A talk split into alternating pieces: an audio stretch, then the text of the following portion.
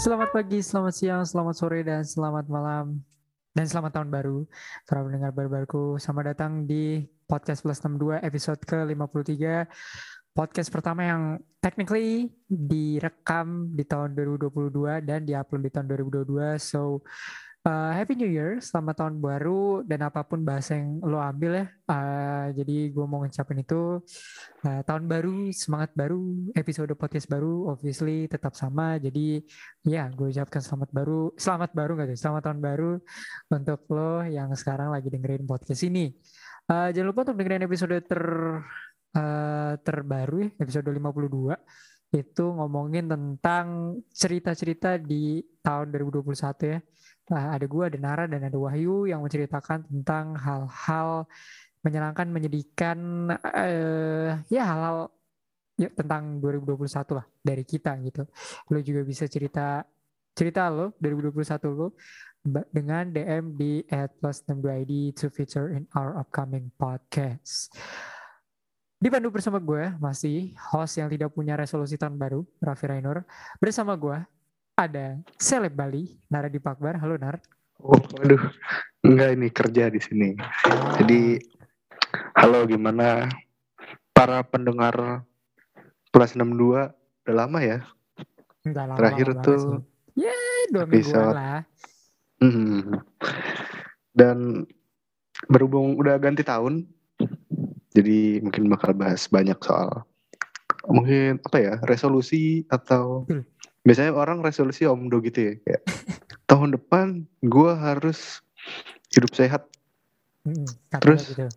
tahun depan resolusinya itu lagi Betul. karena nggak berhasil gitu Oke, okay, oke. Okay. We talk about that later. Tapi lo boleh ceritain dikit nggak? Uh, lo culture shock atau tidak di Bali dan um, ya selain kerja apa-apa hal yang hal-hal bodoh yang sudah lu temukan di uh, satu-satunya kota yang orang bule tahu tentang Indonesia?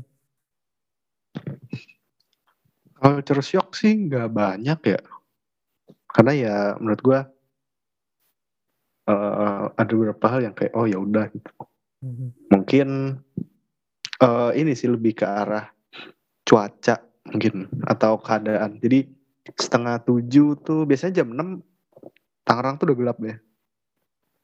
Ini setengah tujuh masih terang. Oh, Jadi wow. gue agak, wah kenapa terang banget ini gitu. Jadi agak-agak panik gak sih? Ada, enggak sih, oh, enggak. enggak Cuma agak aneh gitu karena biasanya kan patokan gue misalnya mau cari makan gitu di WIB gelap gitu kan.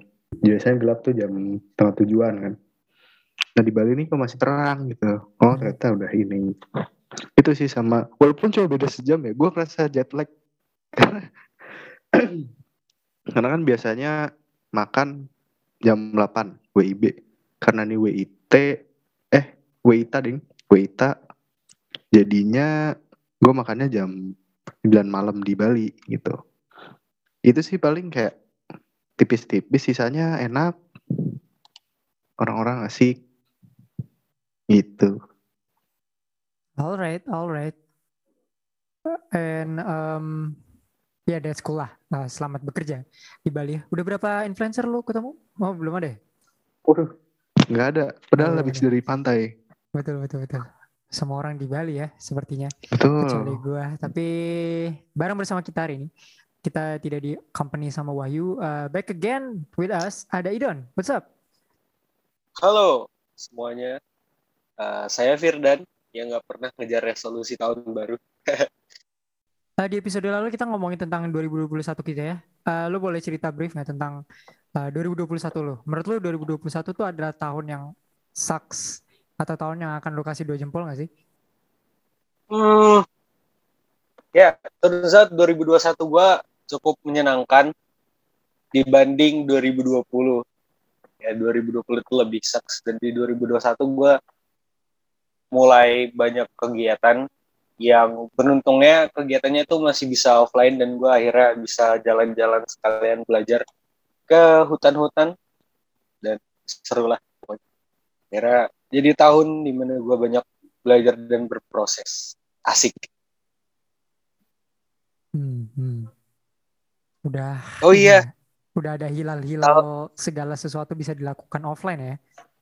Iya, dan tahun yang seru juga soalnya tahun di mana gue masuk di podcast plus 62.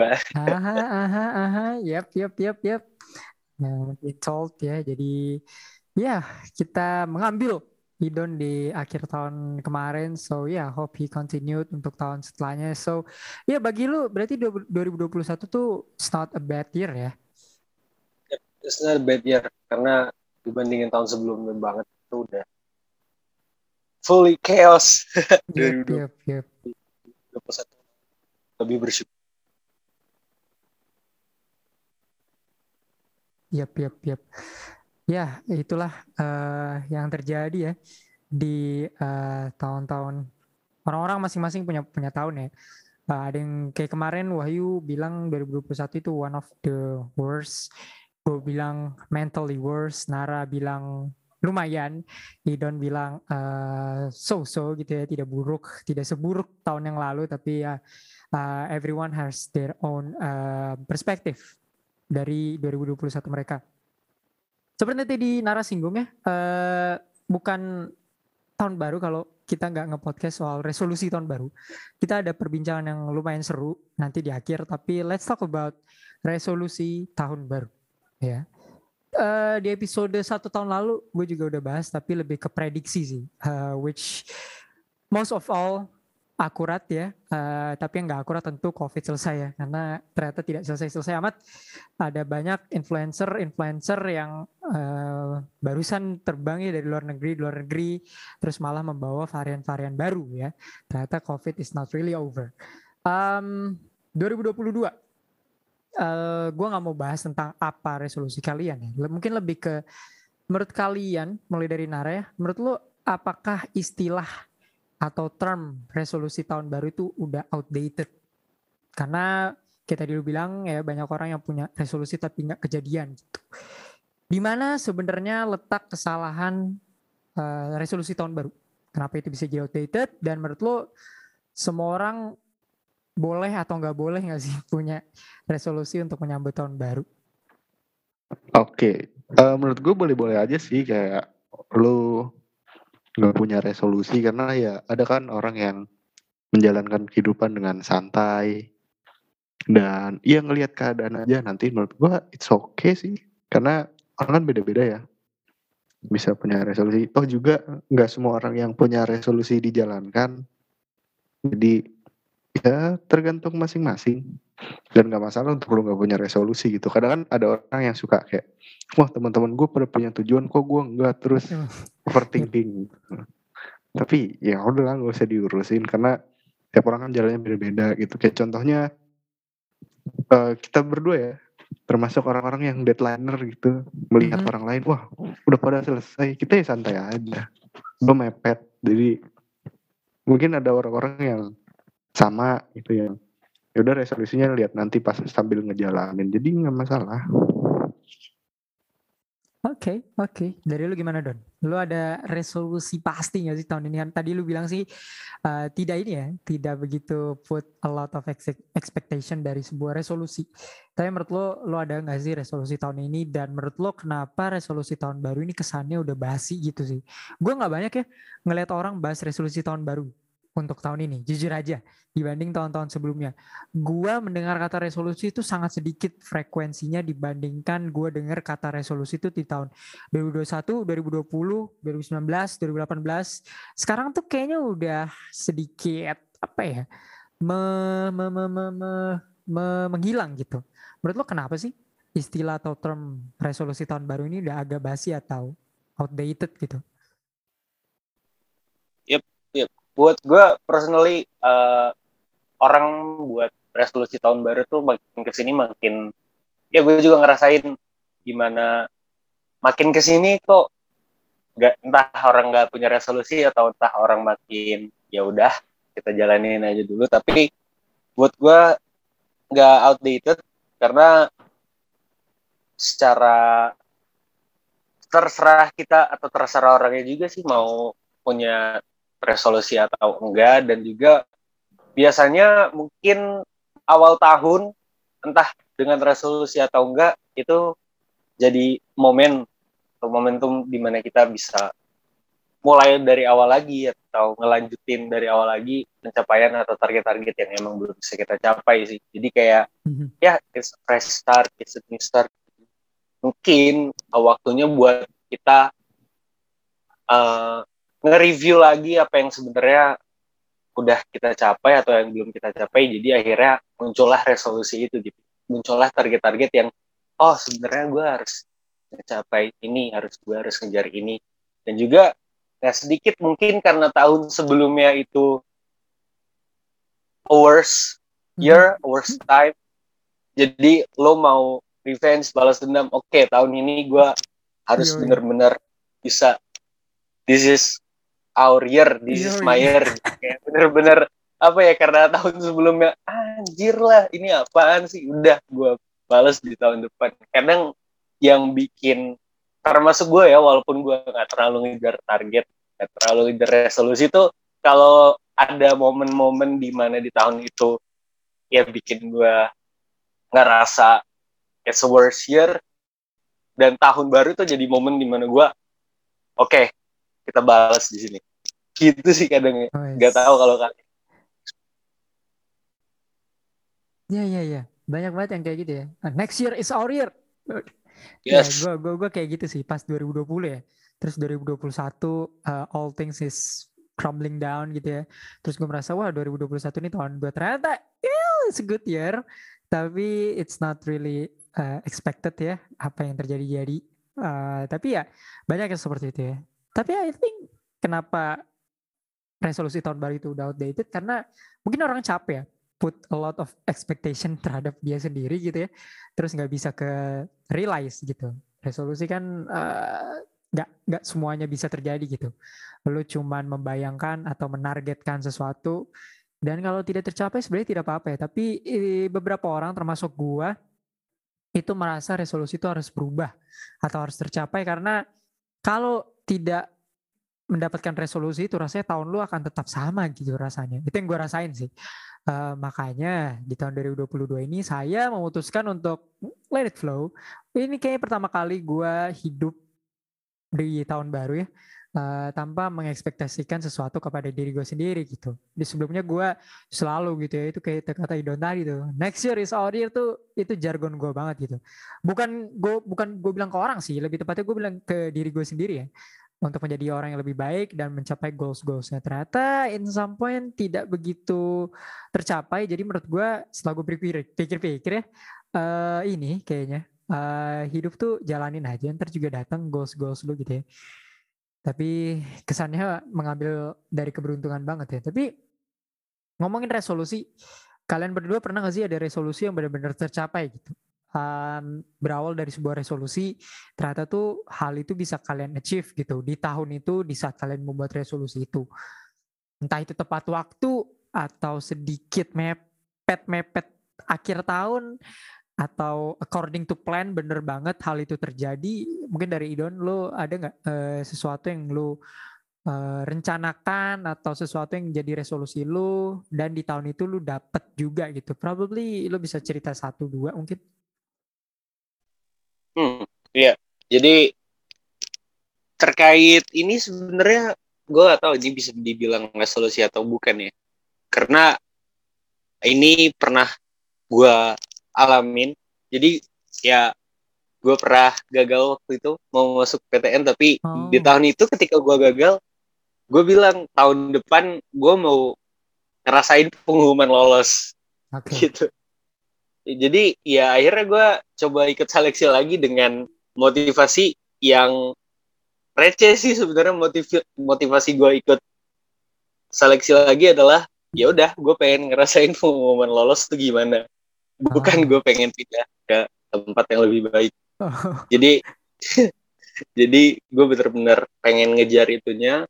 Dan itu ya dibilang setahun sih. Jadi dari pertengahan 2020 sampai pertengahan 2021 dan ya sesuai dengan kenyataannya di mana gue ketika ngejalanin itu nggak seambis waktu pertama kali gue janji sama diri gue jadi kayak waktu mulai gue bilang oke tahun depan gue bakal lolos. Itu gue ambis banget. Tapi ternyata realisasinya ya udah sama-sama aja gue malah gak belajar malah Iya.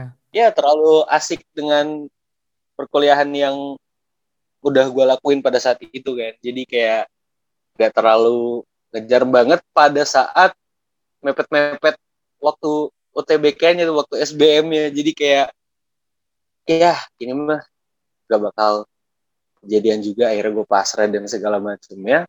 Dan ya terus out surprisingly gue lolos tuh kayak Iya, betul. Senang. pertama kalinya iya senang sih. Dan pertama kalinya gue punya target yang akhirnya bisa gue capai sih. Sebelum sebelumnya resolusi resolusi gue tuh eh, basi semua kayak oke gue mau hidup sehat gue mau kurus.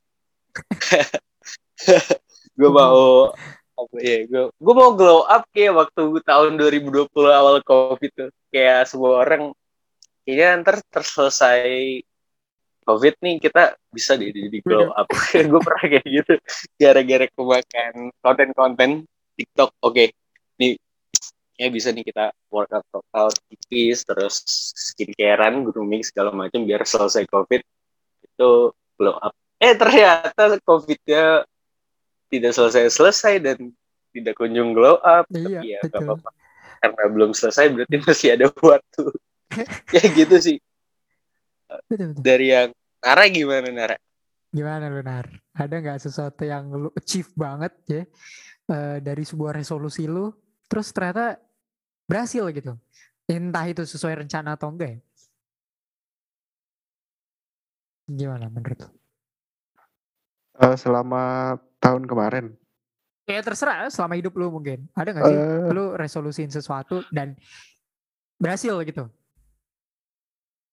naikin ini sih naikin IPK karena gue semester 1 jeblok banget kan jadi kaget kaget soalnya kurikulum baru kan biasanya kalau di perikanan kurikulum lamanya ada kayak dasar-dasarnya fisika kimia. Ini tiba-tiba dapat eh, oceanografi gue nggak tahu apa-apa soal perikanan gitu kan terus kayak wah jeblok gitu. Tapi di semester 2, 3, 4 enggak sih semester 2 dan 4 gue bisa naikin nilai. Karena eh, semester ganjil tuh selalu ada C-nya ya nggak tahu kenapa. Jadi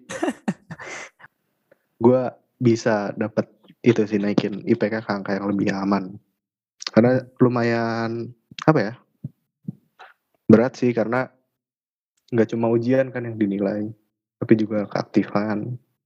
Tapi mostly tetap ujian yang jadi utama gitu dan eh, beberapa matkul tuh ujiannya open book ya jadi berat sekali tapi alhamdulillah bisa gue lewati gitu.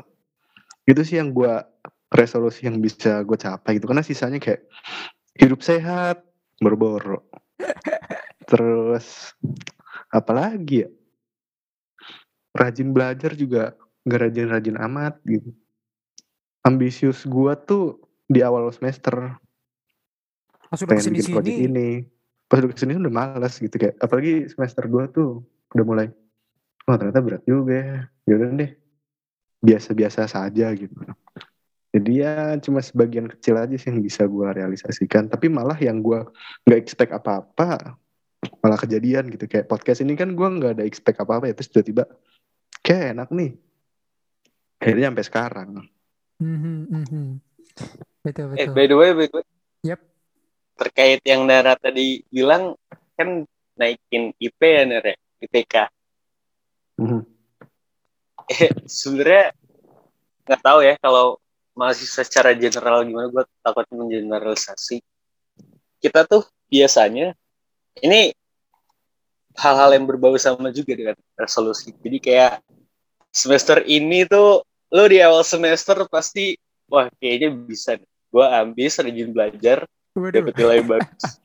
Terus akhirnya lu malah kuliahnya ngaco sampai UTS terus ya udah akhirnya nilai UTS lu jelek atau Sayang. gak terlalu bagus akhirnya lu bilang oke kita balas dendam di UAS tapi pas UAS ternyata sama aja. Terus oh kayaknya bisa. Akhirnya berulang lagi gitu siklus.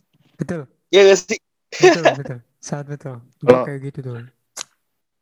kalau gue gue nggak gue kalau gue kuliahnya ya kadang main-main gitu. Tapi yang penting ujiannya bagus gitu. Kayak tugas-tugas tuh selalu deadlineer. Tapi kalau ujian gue usahain bagus karena gue tahu karena bobotnya kan udah dikasih tahu duluan persenannya bahkan kadang gue kuliah nggak pernah off eh, on cap gitu kan. Tapi yang penting ujiannya bagus gitu. Jadi gue cuma fokusin di ujiannya. Kayak gue pernah tugas bikin video 4 gue kerjain dua hari.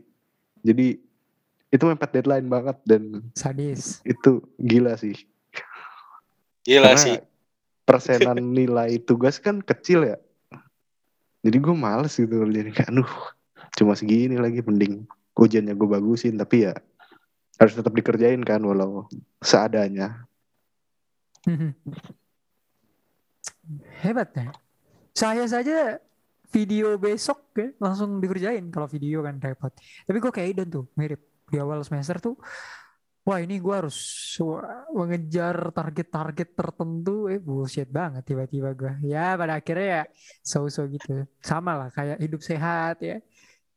Eh, pengen gemuk itu eh, juga salah satu jadi obstacle tuh. Wah ini gue besok akan bangun pagi, menyongsong hari, bangun pagi ya. Misalnya kalau lu Islam sholat subuh nggak sholat subuh lari keluar, ya kan? Lari mendapatkan matahari matahari pagi. Wah habis itu deadlift ya, deadlift, push up. itu bullshit sih. Ditemani suara ayam berkokok. Betul. Ternyata yang saya dengar suara alarm. Ya, Nah, itu itu menjadi sehat sepertinya adalah resolusi paling bullshit yang pernah gue denger sih. Ada sih beberapa orang yang kayak gitu ya. Mungkin bagi gue, bagi gue pribadi dan Idon juga kayak gitu. Nara mungkin juga ya. Basically three of us tuh pasti eh, kayak hidup sehat tuh jadi satu apa ya obstacle yang susah untuk diraih gitu ya. Mau lu mau gemuk jadi kurus, dari kurus jadi gemuk itu sepertinya sulit gitu ya mendapat badan ideal seperti mas-mas TikTok yang eh, suka pusap-pusap gitu ya. Apalagi standar cowok-cowok di TikTok sekarang kan, waduh, mantap-mantap ya. Jadi em, sulit untuk itu. Gue sih nggak ada banget yang bisa gue achieve, maksudnya yang gue resolusi terus gue achieve. Lebih ke sesuatu yang di luar resolusi sih, kayak Nara tadi bilang ya. Tapi satu pertanyaan sebelum kita geser ke topik yang lain, ke Idon dulu, ke Nara habis itu ya. Gue gak mau nanya resolusi lu apa, karena lu seperti gua tadi bilang, lu nggak hidup dengan eh, resolusi-resolusi itu. Tapi ada nggak sih satu hal paling random yang pengen lu kejar di tahun ini gitu? Kayak satu hal random ini tuh anything ya, it could- be anything. Yang penting tidak menyinggung eh, hal-hal tertentu ya. Lu ada nggak sih satu hal paling random yang pengen lu capai di tahun ini? Atau pengen lu rasain? Atau pengen lu cobain gitu? Ada nggak?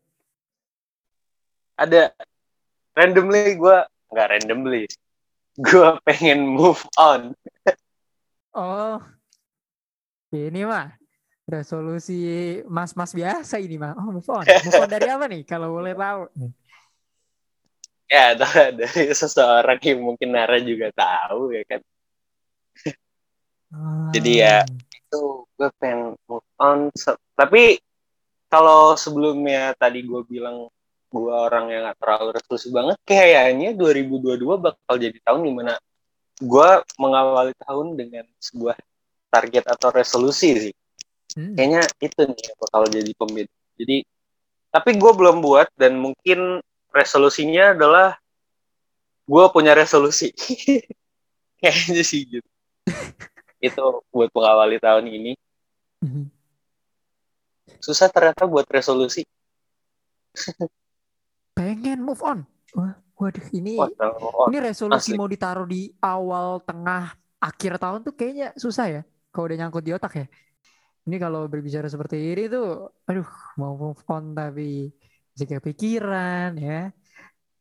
Tapi kalau nggak move on, makan hati gitu ya. Semoga terrealisasi sih. Menurut gua kalau itu tuh Amin. harus didukung ya. Kalau orang mau move on tuh didukung gitu. Dan orang yang Hmm. mau dilupain, tolong sekali ya. Jangan ada border gitu ya. Ada batasan, lu jangan datang lagi ke kehidupan. Kadang ada tuh kita berhasil resolusi 2022 mau move on. Eh 2023-nya dia ngechat ya kan. Nggak jadi dong berarti ya. Agak gentar hasilnya untuk melupakan. Oke, Nar, lu eh, ada nggak hal paling random yang pengen lu kejar tahun ini pengen lu cobain, pengen lu rasain, or anything. Hal paling random yang pengen lu capai di tahun ini. Ini sebenarnya udah dari lama sih. Dan gue tuh pengen banget ikut acara festival film. Pengen banget. Kayak kemarin kan ada Jogja Asian Festival Film. Pengen ikut, gak pernah kesampaian. Gue pengen banget ikut secara offline ya. Kayak gue bener-bener ada di situ nontonin film-film yang susah banget dicari di Mhm. platform streaming. Biasanya keluar tuh 2-3 tahun setelahnya. Dan gue pengen banget ikut ya semoga aja sih tahun ini ada yang bisa gue ikutin salah satu. Hmm. Karena dari kemarin gak sempet. Sebenarnya 2019 gue pengen ikut tapi eh, kuliah tuh gitu ya. Kayak praktikum lapangan apa biasa awal-awal. Betul. Terus kemarin ada lagi 2021 ini tapi gue nggak di Jogja. Jadi ya sudahlah. Gue pengen ikut siapa pun itu kayak pengen ngerasain gitu, pengen nyobain karena dari dulu nggak pernah kesampaian ya. Sekali ya juga seumur hidup gitu ngerasain. Festival Rewis. Anaknya nih sinetfil banget ya. Waduh. Yap. Boleh lu dengerin podcast kalau mau tahu input-input dari Nara.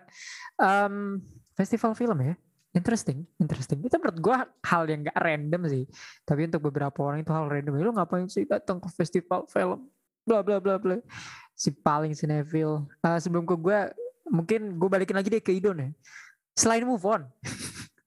Saya tuh kalau denger yang eh agak melo-melo gitu tuh agak ini. Kuping gue tuh agak-agak irgasan gitu ya. Jadi mungkin kita ganti. Mungkin lu ada hal nggak sih selain lu move on obviously. Mungkin menurut gue move on tuh adalah itu yearly yearly resolution sih itu kayak tiap tahun tuh kalau lu belum lupa sama orang itu yang selalu lu lakuin gitu.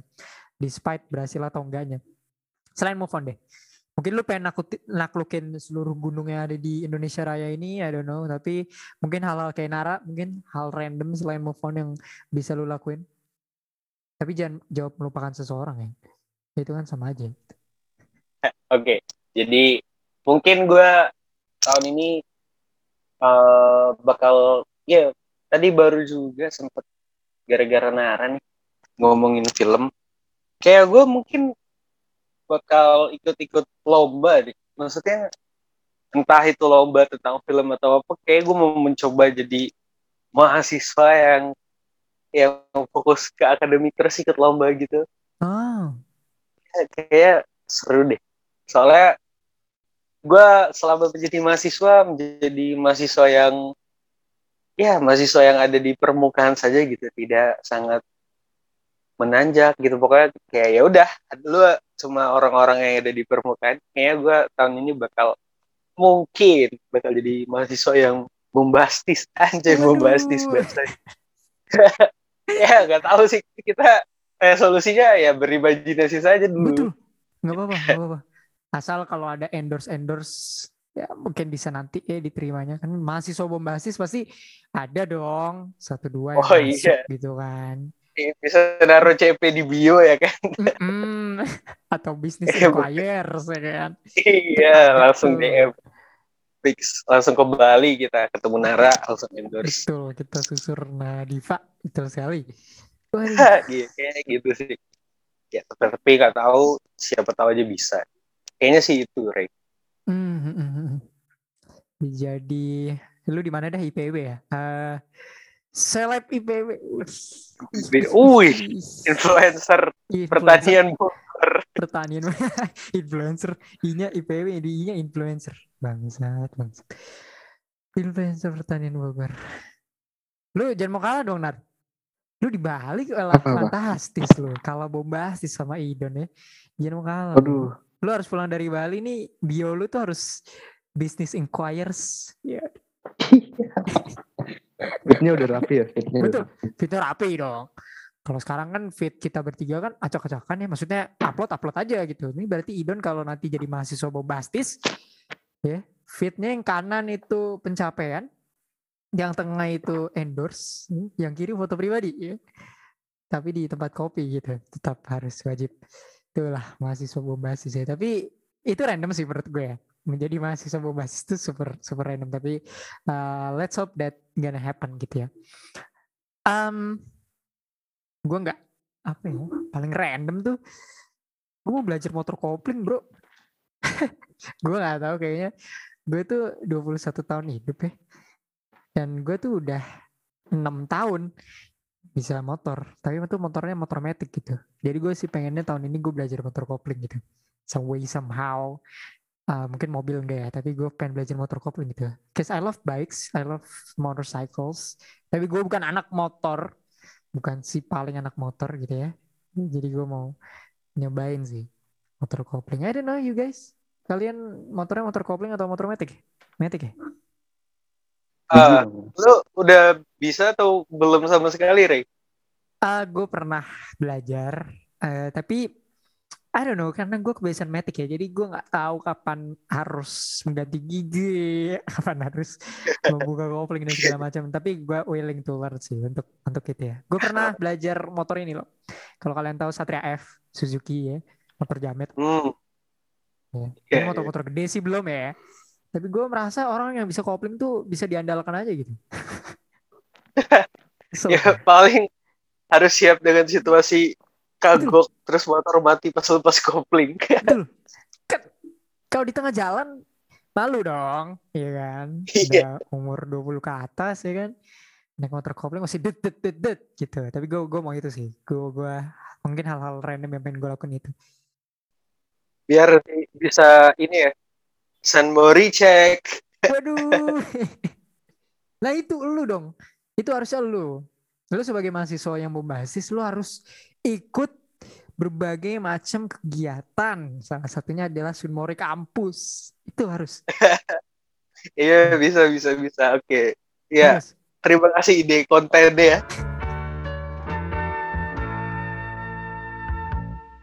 2020 tuh 22 tuh harus dimulai dengan spirit ya. Spirit menjadi mahasiswa bombastis, spirit untuk akhirnya datang ke festival film atau spirit untuk sekedar belajar motor kopling gitu.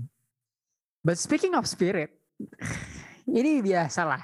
Kalau di podcast ini tuh selain kita bahas pencapaian-pencapaian busuk ya, kita juga bahas hal-hal yang sama busuknya gitu. Ada sebuah tren Hmm, I don't know if you guys know gitu ya atau ada di timeline atau feed atau apa pun kanal sosial media kalian. Ada sebuah tren namanya spirit box. Sebenarnya nggak semua orang tren ya, nggak kayak tren-tren yang udah kita bahas sebelumnya gitu. Kayak tren TikTok atau apa pun gitu. Tapi sering lewat gitu di Twitter gue dan banyak yang ngomongin tentang spirit dolls gitu. Jadi uh, mungkin gue ceritain konteksnya. Jadi uh, ada selebriti, gue nggak mau siapa, kalian udah pasti tahu. Dia tuh punya spirit dolls semacam boneka yang dia rawat. Ya pokoknya boneka yang dia anggap layaknya hidup gitu. Ternyata tidak satu, tidak dua, tidak tiga ya. Gue lihat-lihat sejauh ini udah ada tujuh yang gue tahu. Seleb nih ya. Bukan orang biasa ini. Seleb. Itu uh, punya spirit dolls gitu. Ini tren baru ya. Uh, dimulai dari ya ada seleb kayak Ivan Gunawan sampai uh, random yang gue gak tau kayak Selid Evangelista gitu ya. Dia itu bisa jadi trending topik di Twitter gitu. Gue kalau gue gak salah dua dua hari berturut-turut Spirit Dolls tuh ada gitu. Um, mungkin sebelum gue tanya ke yang lebih seru-seru, kalian sendiri gimana sih nanggepin berita ini gitu? Lu merasa kayak is this guys a freak dan menekutip atau lu kayak it's just another trend gitu ya. Kayak ini akan berlalu aja. Nar, menurut lo, uh, lo menanggapi tren ini gimana, men? Ya udahlah. Masalahnya orang-orang kadang mungkin pandemi, nyari hobi, Udah. nyari hiburan, atau stres gitu kan. Waduh, dagangan saya nggak laku gitu. Jadi mainan spirit doll atau butuh support system Wah. tapi nggak punya pacar. Betul mencari spirit doll tapi ya mungkin kepercayaan juga gue nggak tahu. Karena gue nggak boleh ngeledek juga kan karena oh betul. bisa jadi kepercayaan Pribadi orang gitu. Tapi ya mm-hmm. agak gimana sih ngelihatnya sebenarnya? Kayak spirit doll tuh Toy Story gak sih? Waduh. apa? Andy tuh spirit dollnya ada puluhan deh iya jadi apakah kalau lagi nggak ada orang dia menemui bapaknya Buzz Lightyear. Nah, jadi masih aneh sih di gue tapi ya udahlah mungkin bisa jadi kepercayaan orang gitu kan kan bisa ya Bisa. kayak gitu mungkin karena nggak umum aja sih di kita soalnya kalau eh, bule-bule progresif biasanya kan aneh-aneh ya Betul sekali. dari pakai kostum rubah terus dinosaurus. Heeh. Terus percaya percaya terus bikin eh, apa sih namanya yoga yoga ala ala tapi jatuhnya kayak sekte gitu kan juga ada dan ya udahlah mungkin orang stres juga kan pandemi butuh hiburan gitu karena udah dari 2019 ya pandemi itu Iya, Mungkin dari betul. 2020 awal lah. hiburan gitu. yang penting sih jangan sampai mengganggu orang ya maksudnya karena kadang sukanya sampai mengganggu gitu bikin konten-konten sensitif wah Waduh.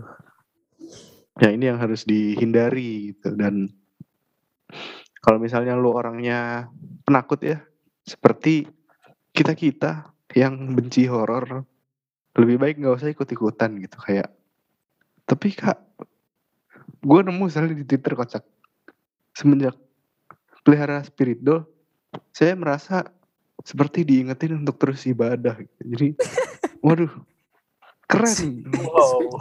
Spi- Spirit doll ini melihat wah ini orang ini lebih suram daripada saya gitu ya. Iya. Kalau nggak pernah ibadah ini. Jadi mungkin apa ya bahasanya orang tuh berbeda gitu. Cuma jangan asal ikut tren gitu. Apalagi kalau lu penakut kan. Tiba-tiba malam melek. Wah. Lagi ngobrol spirit doll Iya. takut. Padahal lu sendiri nggak berani. Jadi nggak usah ikut-ikutan kalau nggak tahu apa-apa karena kadang orang suka ikut-ikutan ya. Terus berakhir eh menyedihkan gitu. Seperti tren-tren lu tau gak sih di TikTok eh, ngap-ngap bekas tawuran suka cerita. Gue dulu solo lawan 150 orang. Waduh. Anakin Skywalker. Jadi Anakin juga panik ngeliatnya. iya nih Iron Man kalah Iron Man. Betul. Jadi terus ditiru bocil-bocil. Bahkan sampai ada yang luka, ada yang meninggal dan segala macam. Tawuran jadi rame lagi gitu. Gara-gara orang-orang yang ikut-ikutan tren gitu. Jadi sebelum ikut dipikirkan dulu aja sih karena kita kan nggak tahu ya Spirit Dolls ini isinya apa. Hmm. Bisa jadi sesuatu yang berhubungan dengan klinik atau mungkin ada kamera di dalamnya kayak Black Mirror gitu gitu kita nggak pernah tahu kan Betul. Kayak- karena suka ada akal-akalan orang gitu soalnya beberapa oknum masyarakat itu agak gaptek gitu kayak chip KTP dicopot gitu. jadi tiba-tiba beli spirit doll ternyata dipasang GPS terus rumahnya dimaling kan nggak tahu Mm, juga. jadi lebih baik berhati-hati sebelum ikutan tren walaupun artis ikut kan belum tentu bener gitu Iya. Dia dulu artisnya kan. Heeh. Soalnya ada juga artis-artis yang aneh gitu kan. Jadi ya berhati-hati aja sih. Nggak usah seseorang ikutan tren ya. Apalagi lu lupa ada yang penakut ke kamar mandi minta ditemenin kucing terus pelihara spirit doll tuh jangan deh Ntar lu ngomong assalamualaikum, ya kan? Dibalikin waalaikumsalam, panik, ya kan? aneh Eh, patut untuk dilihat ya. Kalau dari dari lu gimana Don? Eh, lu masuk nggak berita ini ke timeline lu? Kalau iya, gimana tanggapan lu tentang? eh gua nggak bisa bilang keanehan ya. Nanti saya eh, dibilang macam-macam.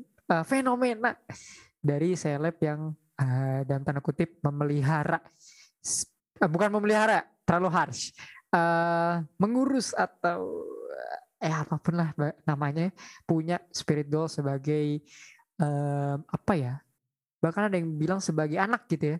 What do you think about that man? Pandangan lu gimana tentang isu ini atau fenomena ini?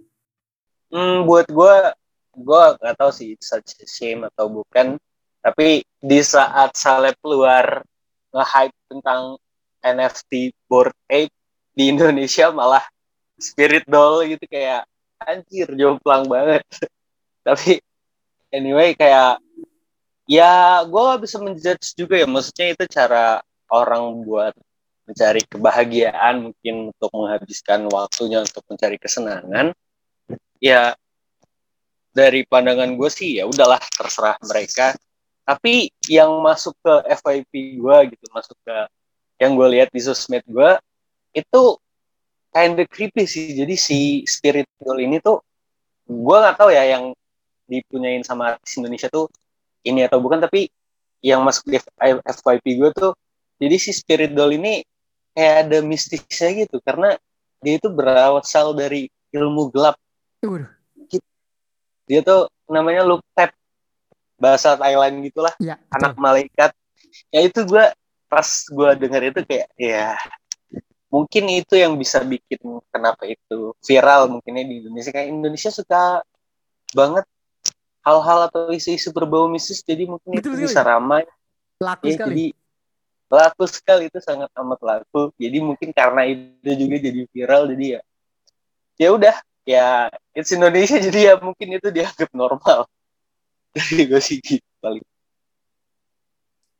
Ada aja gitu ya yang percaya ya. Ah, tapi nggak apa-apa. Karena kepercayaan orang masing-masing ya. Kita tidak boleh menjudge apa yang dipercayai oleh orang lain ya. Despite freak atau aneh dikit. Tapi ya orang kan masing-masing ya. Gue sih agak aneh sih. Karena di Youtube lagi rame di, di beranda gue tuh sampai ada tiga video yang membahas tentang spirit doll. Kalian tahu ya ya pasti judulnya yang caps lock caps lock ya. Geger. Waduh. Spirit doll ini eh, bisa bla bla bla. Gua nggak tahu tapi eh, aneh yang pasti judulnya. kadang muncul juga di ini ya akun-akun reposter IG yang biasanya eh, thumbnailnya kayak ini poster Avenger rame banget Rame banget betul. terus eh, apa judulnya tuh provokatif gitu. Provokatif. Spirit doll ini menyerang keluargaku gitu. Hmm, lima fakta Tentang Biasanya spirit gitu kan. ya. Nomor tiga membuatmu kaget gitu. Tapi ya Eh, begitulah ya. Itu gua agak terganggu aja di bagian situ sih. Tapi setelah gua research lagi, bener kata Idon, eh, dari Thailand juga ya. Thailand tuh udah banyak. Dan sebenarnya spirit doll bukan bukanlah tren baru gitu. Ini adalah hal yang udah lama gitu ya. Banyak banget eh, orang-orang yang melakukan ini sebenarnya. Tapi kembali surfacing karena eh, seleb-seleb ini gitu. Dulu ada kan orang-orang main suka main boneka gitu ya. Gua nggak tahu apakah Unyil itu spirit doll atau bukan. Tapi laptop si Unyil itu kan boneka ya. Dia bisa berpetualang. Mungkin spirit dolls ini kalau lu pelihara itu bisa eh, berjalan-jalan ya. Em, anggap aja, anggap aja spirit dolls itu tidak serem ya. kalau kalian, ini kita main what if gitu ya. Kalau kalian eh, boleh quote on quote dalam tanda kutip memelihara spirit dolls dari Nara deh. Lu mau spirit dolls lu tuh model kayak gimana gitu? Lu lu pengen tuh spirit dolls lu bisa ngapain? Apa kayak tadi mengingatkan lu untuk ibadah gitu. kalau punya spirit doll gue pengen spirit doll gue bisa ngeditin podcast ya jadi nggak perlu ngedit-ngedit lagi terus mungkin juga bisa eh, ini ya ngabsenin ngabsenin kuliah Oh.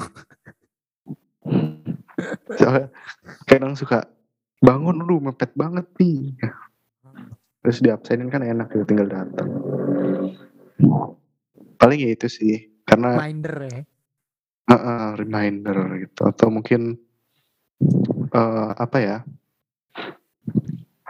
Ngasih ini jadwal-jadwal deadline kapan gitu. Wah nih udah mau deadline nih tugas gitu. Makanya enak juga. Jadi reminder otomatis gitu. Pembuat jadwal. Tapi enggak lah gue takut. Apa-apa lah kalau sekedar diingetin kan bisa jadi temenar. Ya kan diingetin Wah, iya. oh, deadliner kan kalau lu bete kan bisa ngobrol bareng gitu kan. Telah Hmm. kalau kesah hidup mahasiswa kan. Manajer pribadi ya. Atau mungkin spirit doll ber berkepribadian mahasiswa Fafifu Waswesos kan. Waduh. Bisa. Bantu lu demo wah, orasi. Orasi. Gitu menyampaikan pendapat. Kalau dari lu gimana don? Lu pengen lu kalau boleh punya spirit dolls lu pengen spirit dolls lu tuh kepribadiannya apa gitu? Atau apakah spirit doll influencer gitu ya?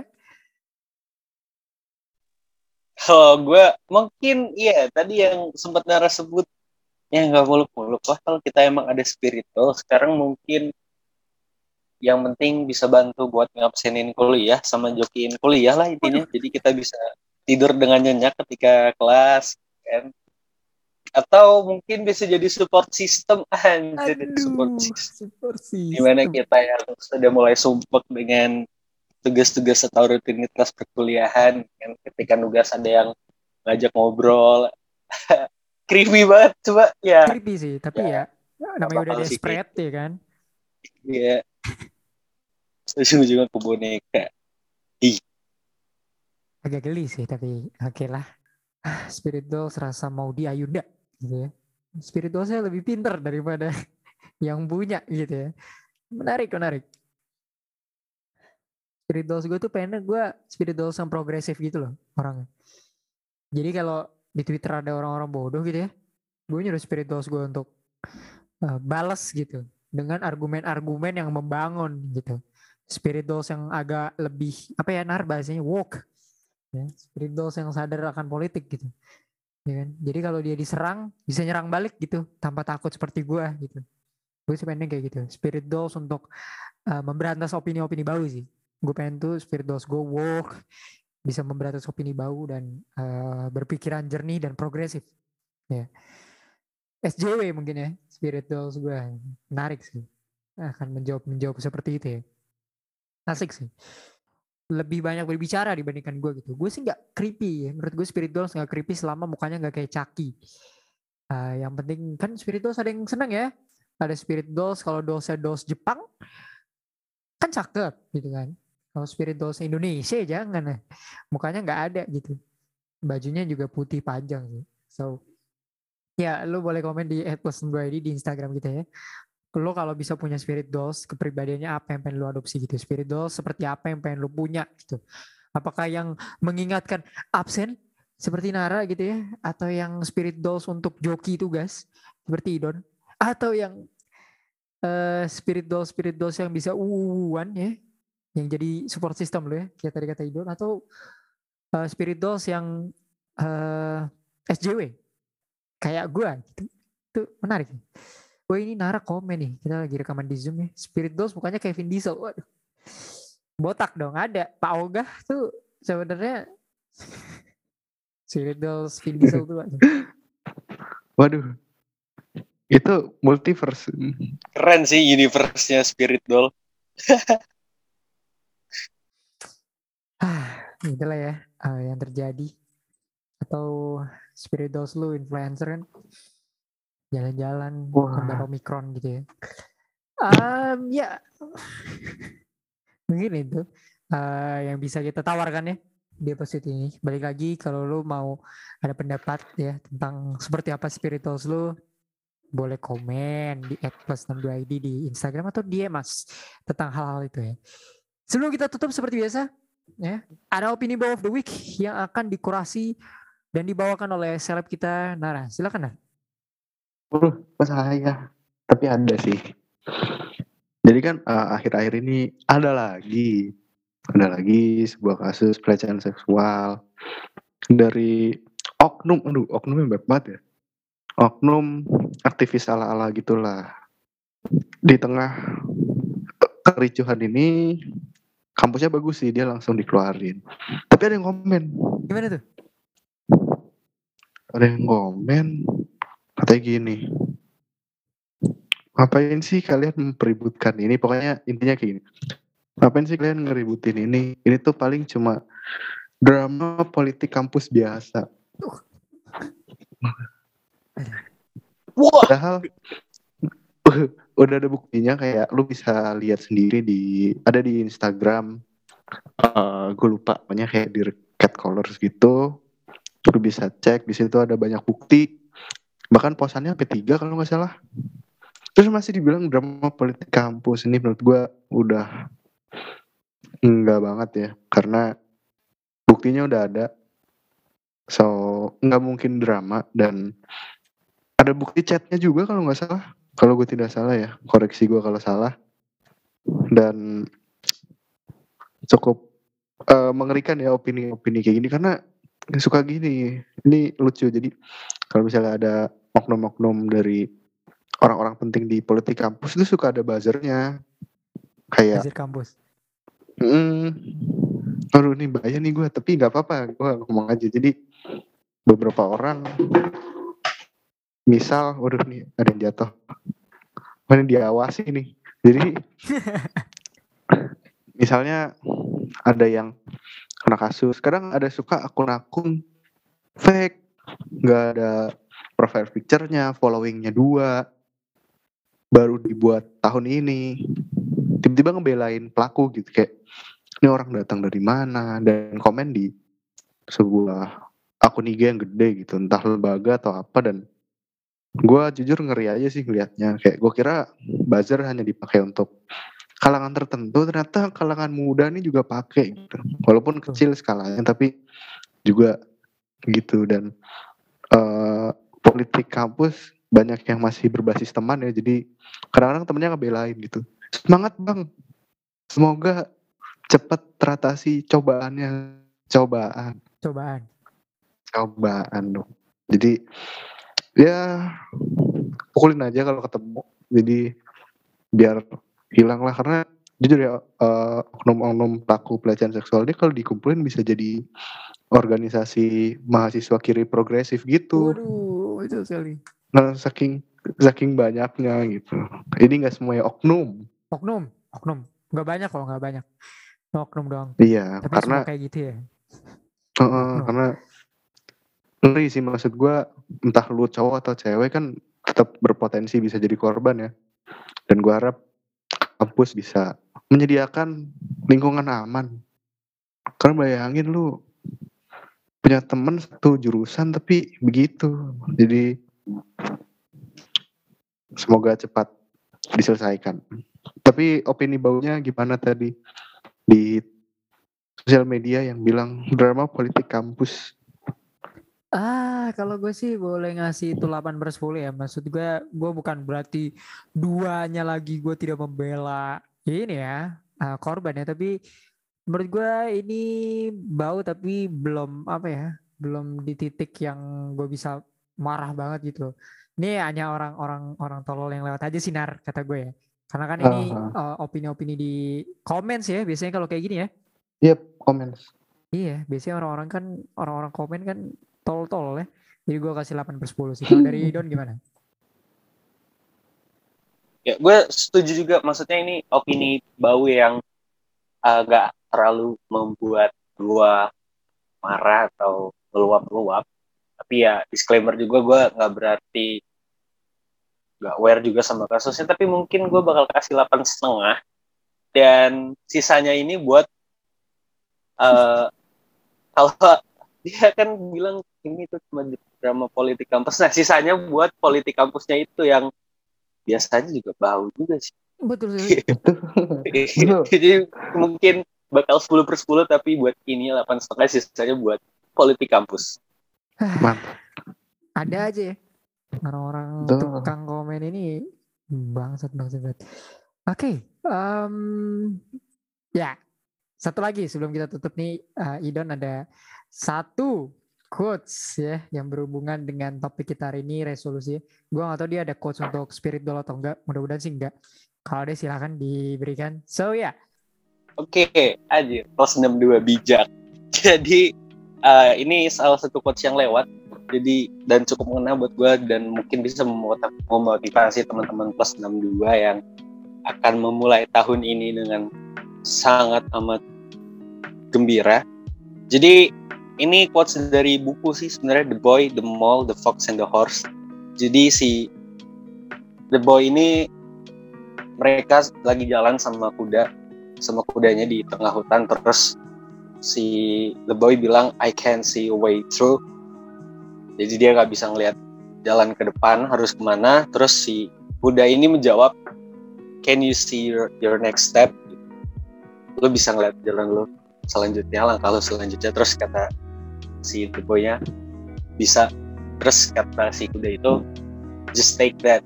Jadi terkait resolusi mungkin atau goals-goals yang sering kita buat kita cenderung ngelihat in long term. Ini long term game kita ngelihat sangat amat jauh kita bakal mencapai atau enggak. Terus intinya mungkin yang bisa kita lakuin adalah lakuin sebisanya yang apa yang memang di depan kita. Do the best thing take your next step every day by day. Jadi ya mungkin suatu saat itu akan tercapai. Fokus on a mission ya. Uh, memang resolusi ini panjang ya. Long term tapi kan uh, lu juga harus bisa mencapai hal-hal yang lu inginkan lah.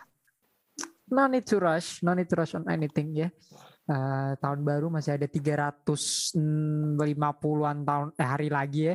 Uh, kalau kita rekaman nih di tanggal 8 ya, jadi masih ada 357 hari lain yang bisa lu capai untuk mencapai resolusi lu. Begitulah ya kira-kira uh, episode yang agak random ini ya tentang resolusi tahun baru, spirit goals, tren baru dan opini-opini uh, harmful di awal tahun ini ya. Uh, bareng gue Raffi Rainur, Naredi Pakbar, dan Firdan Hadi. Sampai ketemu lagi di episode ke selanjutnya ya. Kira-kira ya sekitar di 10 hari akhir di bulan Januari. Uh, I don't know what we gonna talk about. Kalau lo tahu ada topik yang harus kita bahas, just comment down below di at plus 62 id or DM us di at plus 62 id sama di Instagram to maybe featured on our podcast. Selamat tahun baru kami ucapkan semoga resolusi-resolusi lu tercapai ya.